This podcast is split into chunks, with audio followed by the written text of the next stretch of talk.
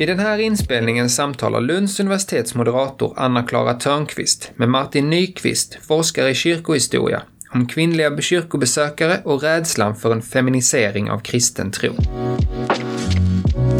Varmt välkomna till Lunds universitets digitala bokmässa där jag nu vid min sida har Martin Nyqvist.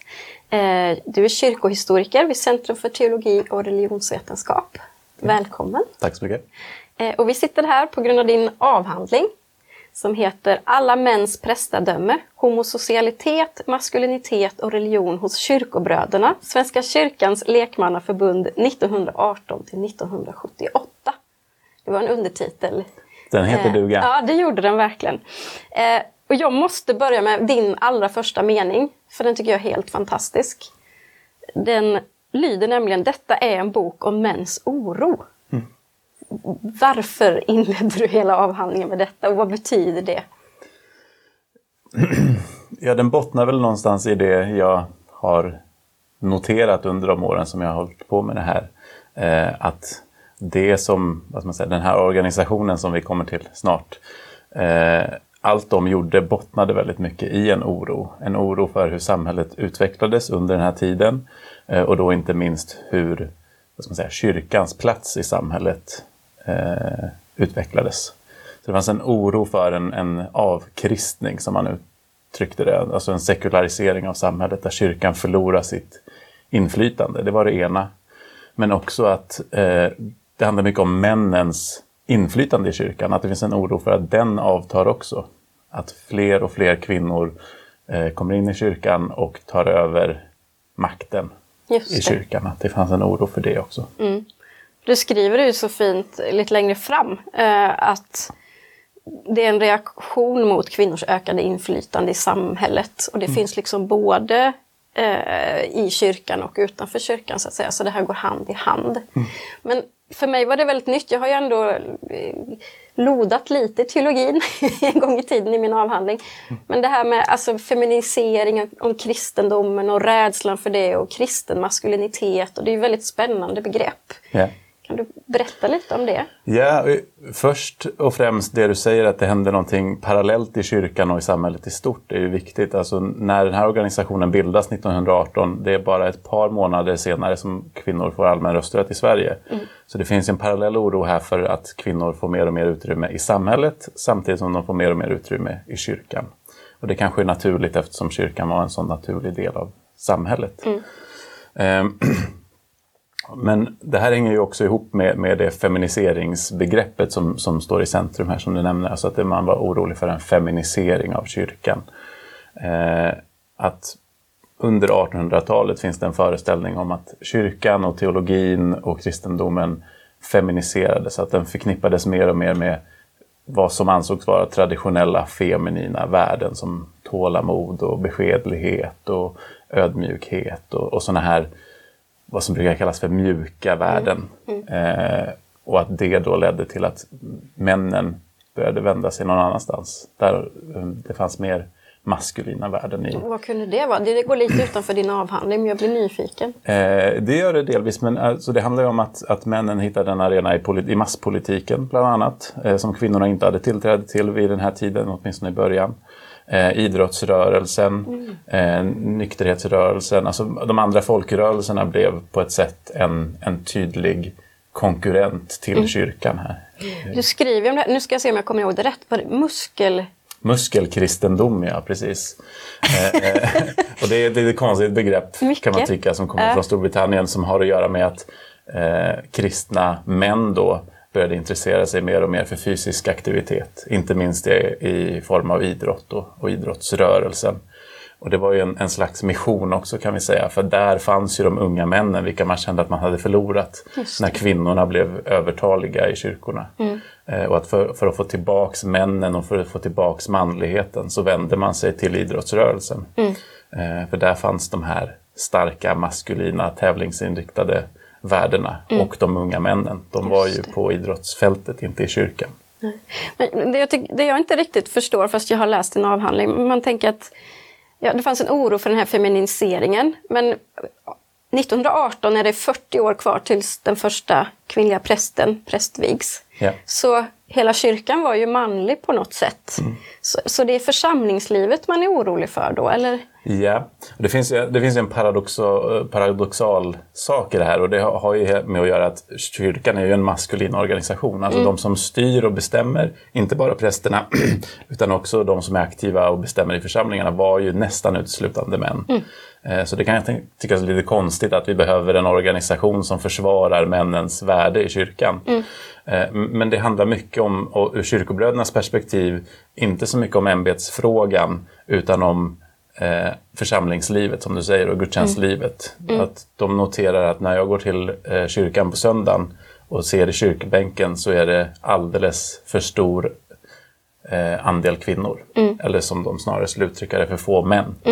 Eh, att, att männen började göra andra saker på söndagar än att gå i kyrkan. Och männen började engagera sig i andra sammanhang än församlingslivet. Eh, så där var det eh, syföreningar och andra Just sammanhang och missionen också där kvinnorna var väldigt aktiva. Men männen eh, blev överskuggade kan man säga. Just det. Och det leder mig till min andra punkt som ju är lite privat, men jag har vuxit upp som prästdotter på landet. Ja. Så eh, kyrkobröder och sydamer sa vi och de samlades hemma, i, hemma hos mig, fast skilda åt. Ja. Jag har inte reflekterat så mycket, det var en del av min uppväxt. Eh, så när jag fick den här i min hand så tänkte jag, nej men oj, vad, vad, vad gjorde kyrkobröder? För mig var det snälla farbröder som snickrade fågelholkar Ja. och sjöng en psalm. Men vad gjorde, alltså det är ju inte alls det man, när, som är syftet när man nu grundar dem och vad är liksom utgångspunkten för kyrkobröderna? Det finns ju flera utgångspunkter och en är ju den här eh, kristliga gemenskapen mellan, mellan bröder som de uttryckte det. Och det handlar ju mycket om det här sociala, att skapa relationer mellan kristna män, att de har ett sammanhang där de kan umgås. Eh, och det kan vara något väldigt banalt att träffas eh, och rent allmänt. Eh, men ofta träffades de kring bibelsamtal. Då. Eh, och det här skedde ju ofta parallellt. Det här var ju män i medelåldern, ofta gifta. Eh, de gick kanske till församlingshuset gemensamt med sina fruar och fruarna satt i rummet intill och de kanske var medlemmar i någon syförening eller något annat sammanhang. Medan männen då hade sitt. Eh, Men så det, det här, vad ska man säga, att bygga relationer var en del av det. Men ytterst handlar det ju om att stärka kyrkans position i samhället. Alltså det här är ju ett svar på den alltså påbörjande sekulariseringen i Sverige. Där kyrkan förlorar sitt inflytande och för att få tillbaka det så måste, menade kyrkobröderna, männen engagera sig mer. För att om en, en kyrka domineras av kvinnor så kommer den inte få något inflytande i samhället. Vad är de här manliga värdena då som man värnar om? Det är många olika och de är också eh, delvis paradoxala skulle jag säga. Alltså det handlar dels, man kan inte avvisa de här allmänkristna idealen som jag sa innan med tålamod och ödmjukhet. De var viktiga. Eh, De går inte att, skriva bort. Eh, De är högst bibliska. Eh, Men man ramade alltid in det här i väldigt stereotypa manliga ideal. Alltså som mod och styrka och arbetskraft. Och, Alltså att man är, eller man är handlings, handlingskraft snarare. Eh, Att, att man har en, en utåtvändhet och en aktivitet. Liksom. Eh, Så det blir någon slags, eh, ska vi säga, eh, man, man försöker rama in de här lite mjukare värdena som de såg det med hårdare då, manliga aktiva värden. Och det, det är också hur man framställer kristendomen. Att man ville, och där är ju bilden av Kristus central. Eh, Att de ville överge den här bilden av den vad ska man säga, veka och, och besegrade Kristus på, på lidande Kristus på korset och framställa Jesus som en, som en stark ledare och att, att de kristna var soldater i, i Jesu armé och så vidare. Så det finns ett, ett bildspråk kring det också som är Just väldigt det. målande. För jag tänker att det är ju en stor tidsperiod som du sträcker dig över. Eh, 60 år, 18 till 78. Och det vet vi alla att från 1918 till 1978 så händer det ju väldigt mycket. Som, vi har 68 till exempel och vi, det, det är världskrig och det är väldigt sådär. Och det som förvånade mig eh, till exempel var hur kyrkobröderna plötsligt gav sig in i sexualdebatten och liksom familjebildning och så, vilket jag inte alls förknippar med de här fågelholkarna.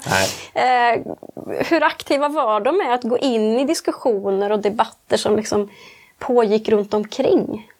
Väldigt aktiva skulle jag säga.